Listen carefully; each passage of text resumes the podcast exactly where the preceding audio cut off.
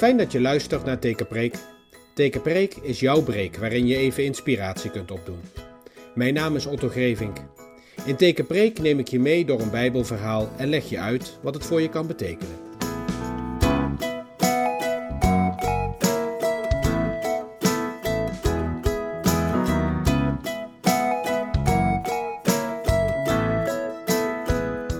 Ik lees je voor uit Genesis 2 vanaf vers 18.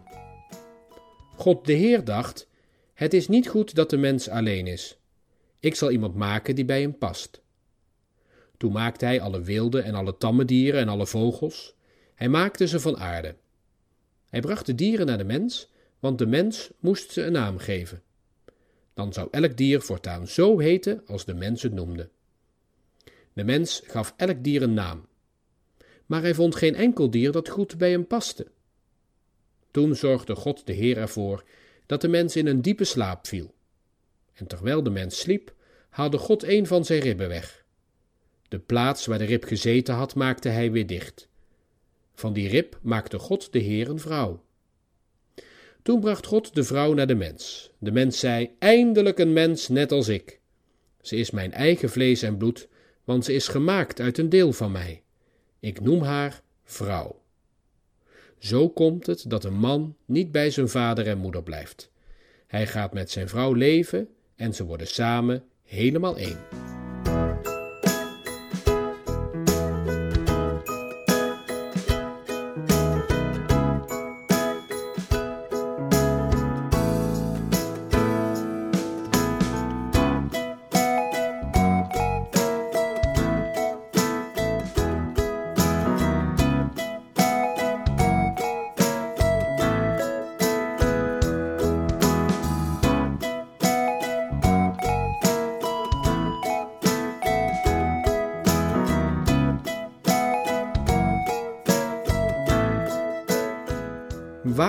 Maakte God de dieren?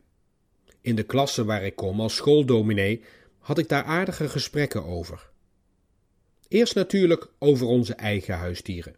Veel kinderen hebben huisdieren, anderen hebben een lievelingsdier. En al die huisdieren hebben namen, zoals ook de eerste mens namen gaf aan alle dieren. En zoals hij ze noemde, zo zouden ze voortaan heten. Een konijntje dat je krijgt en dat al een naam heeft, Verander je dus ook niet van naam als je het krijgt, werd mij verteld.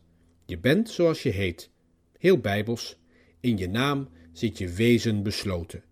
Of je nu Blub de vis bent of Mistral de hamster.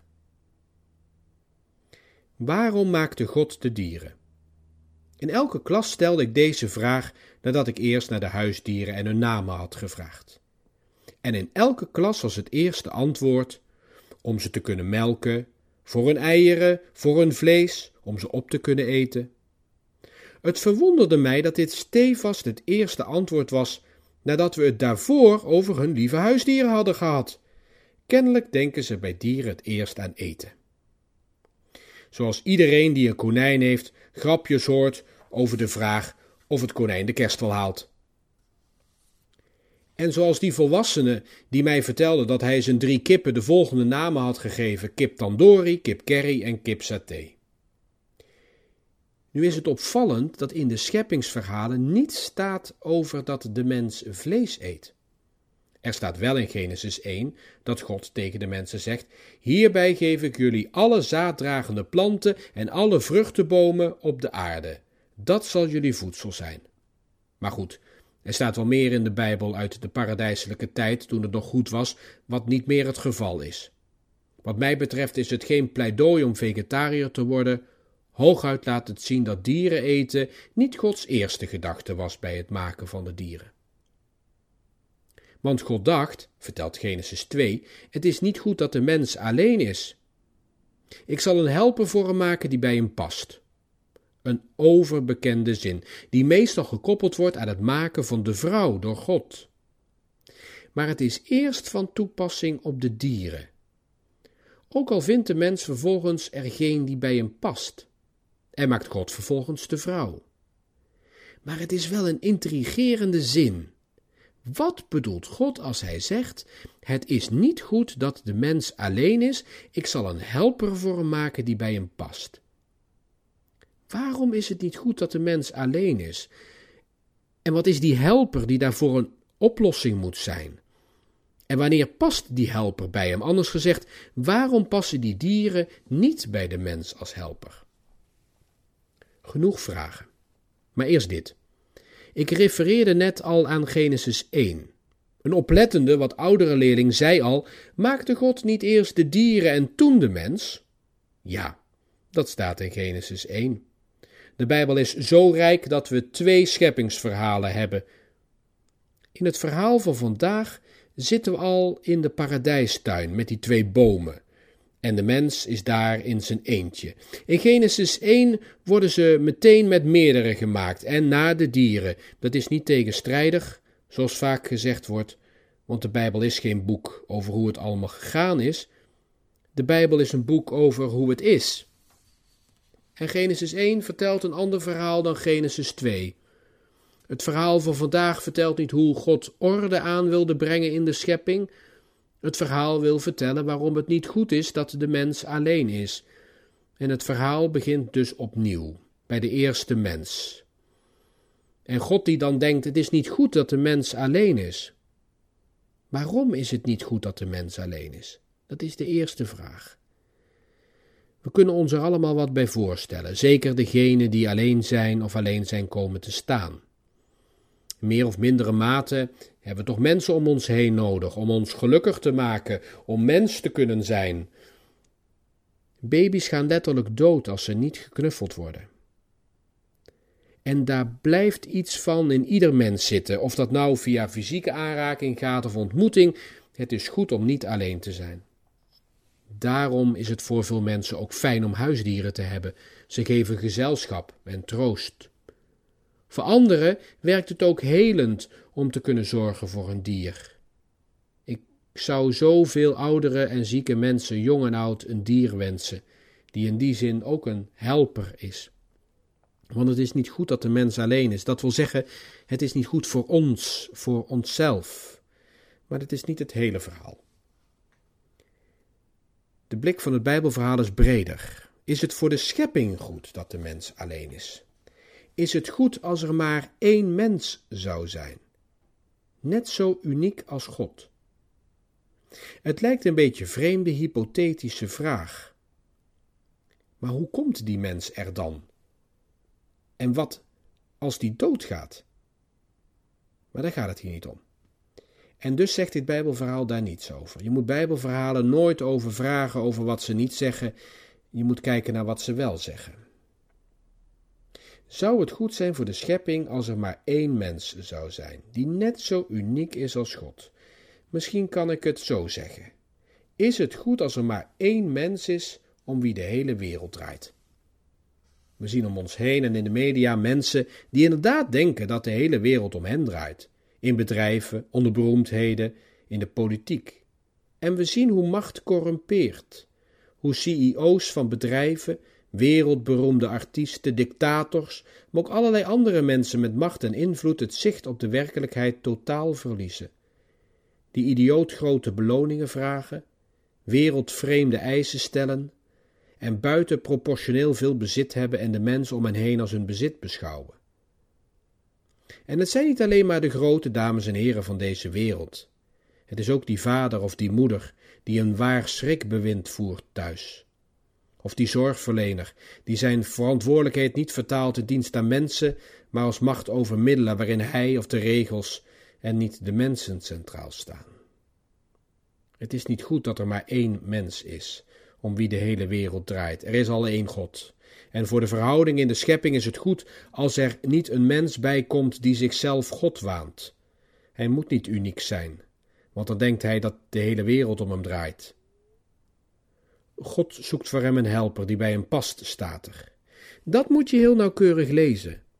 Die helper is geen hulpje, ondanks wat de geschiedenis van de vrouw gemaakt heeft, want dat staat er niet. God zoekt geen ondergeschikt hulpje, maar een helper die zelfstandig is. Zelfs niet in eerste instantie vrouwelijk, daar gaat het God niet om. Nee, God noemt hem een helper, waarbij de lezer in het Oude Oosten denkt aan een vrije man die volwassen is geworden en in militaire dienst kan. Dat is de achtergrond van dit woord. Een zelfstandige helper dus. Iemand die je terzijde kan staan. En of die helper zelfstandig is, bepaalt dus ook of hij bij de mens past. Dat is in onze Bijbelvertaling een vaag woord. Je kunt je er van alles bij voorstellen, bij waarom iemand wel of niet bij een ander past. Maar hier in de Bijbel is het heel concreet. De Bijbel bedoelt te zeggen dat het iemand is die tegenover hem kan gaan staan. God zoekt voor de mens een tegenhanger, een die tegen hem opgewassen is. Want stel je voor dat een mens geen tegenspraak krijgt, dat je niet alleen niemand hebt om tegen te praten, maar vooral dat er niemand is die wat terugzegt. Veel van de mensen die het zicht op de werkelijkheid verliezen en denken dat de hele wereld om hen draait, hebben allemaal ja-knikkers om zich heen.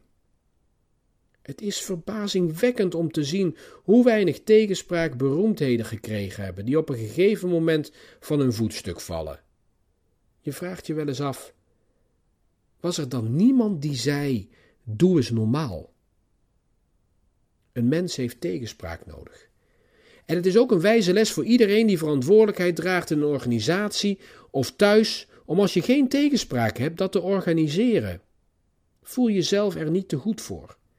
Niet omdat het fout is wat je doet, maar omdat we leven van tegenspraak. Zo zijn we mens. Daarom waren de dieren niet voldoende. In de woorden voor de kinderen, ze zeggen niks terug. Ja, een papegaai. Maar die zegt alleen maar wat jij hem geleerd hebt. Al kunnen ze dan ook nog eens verrassend uit de hoek komen, tegenspreken doen ze niet.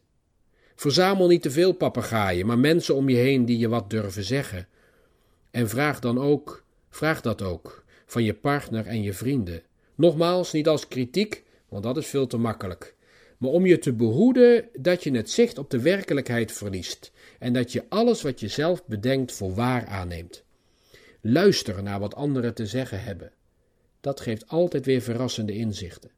Laat je inspireren, daar word je creatief van. Zo is dit verhaal geen verhaal over de verhouding tussen de man en de vrouw, en nog minder over het huwelijk. Dat zij een rib uit zijn lijf is, vertelt iets over hoe mensen verwant aan elkaar zijn, en dus niet uniek in hun mens zijn. Denk nooit dat je de enige bent. En waarom een rib? Rib is vlees en gebeente. Zoals de mens uitroept: eindelijk een gelijke aan mij, mijn eigen gebeente, mijn eigen vlees. Een rib is vlees en gebeente. Denk maar aan spare ribs en dan vergeet je dat nooit meer.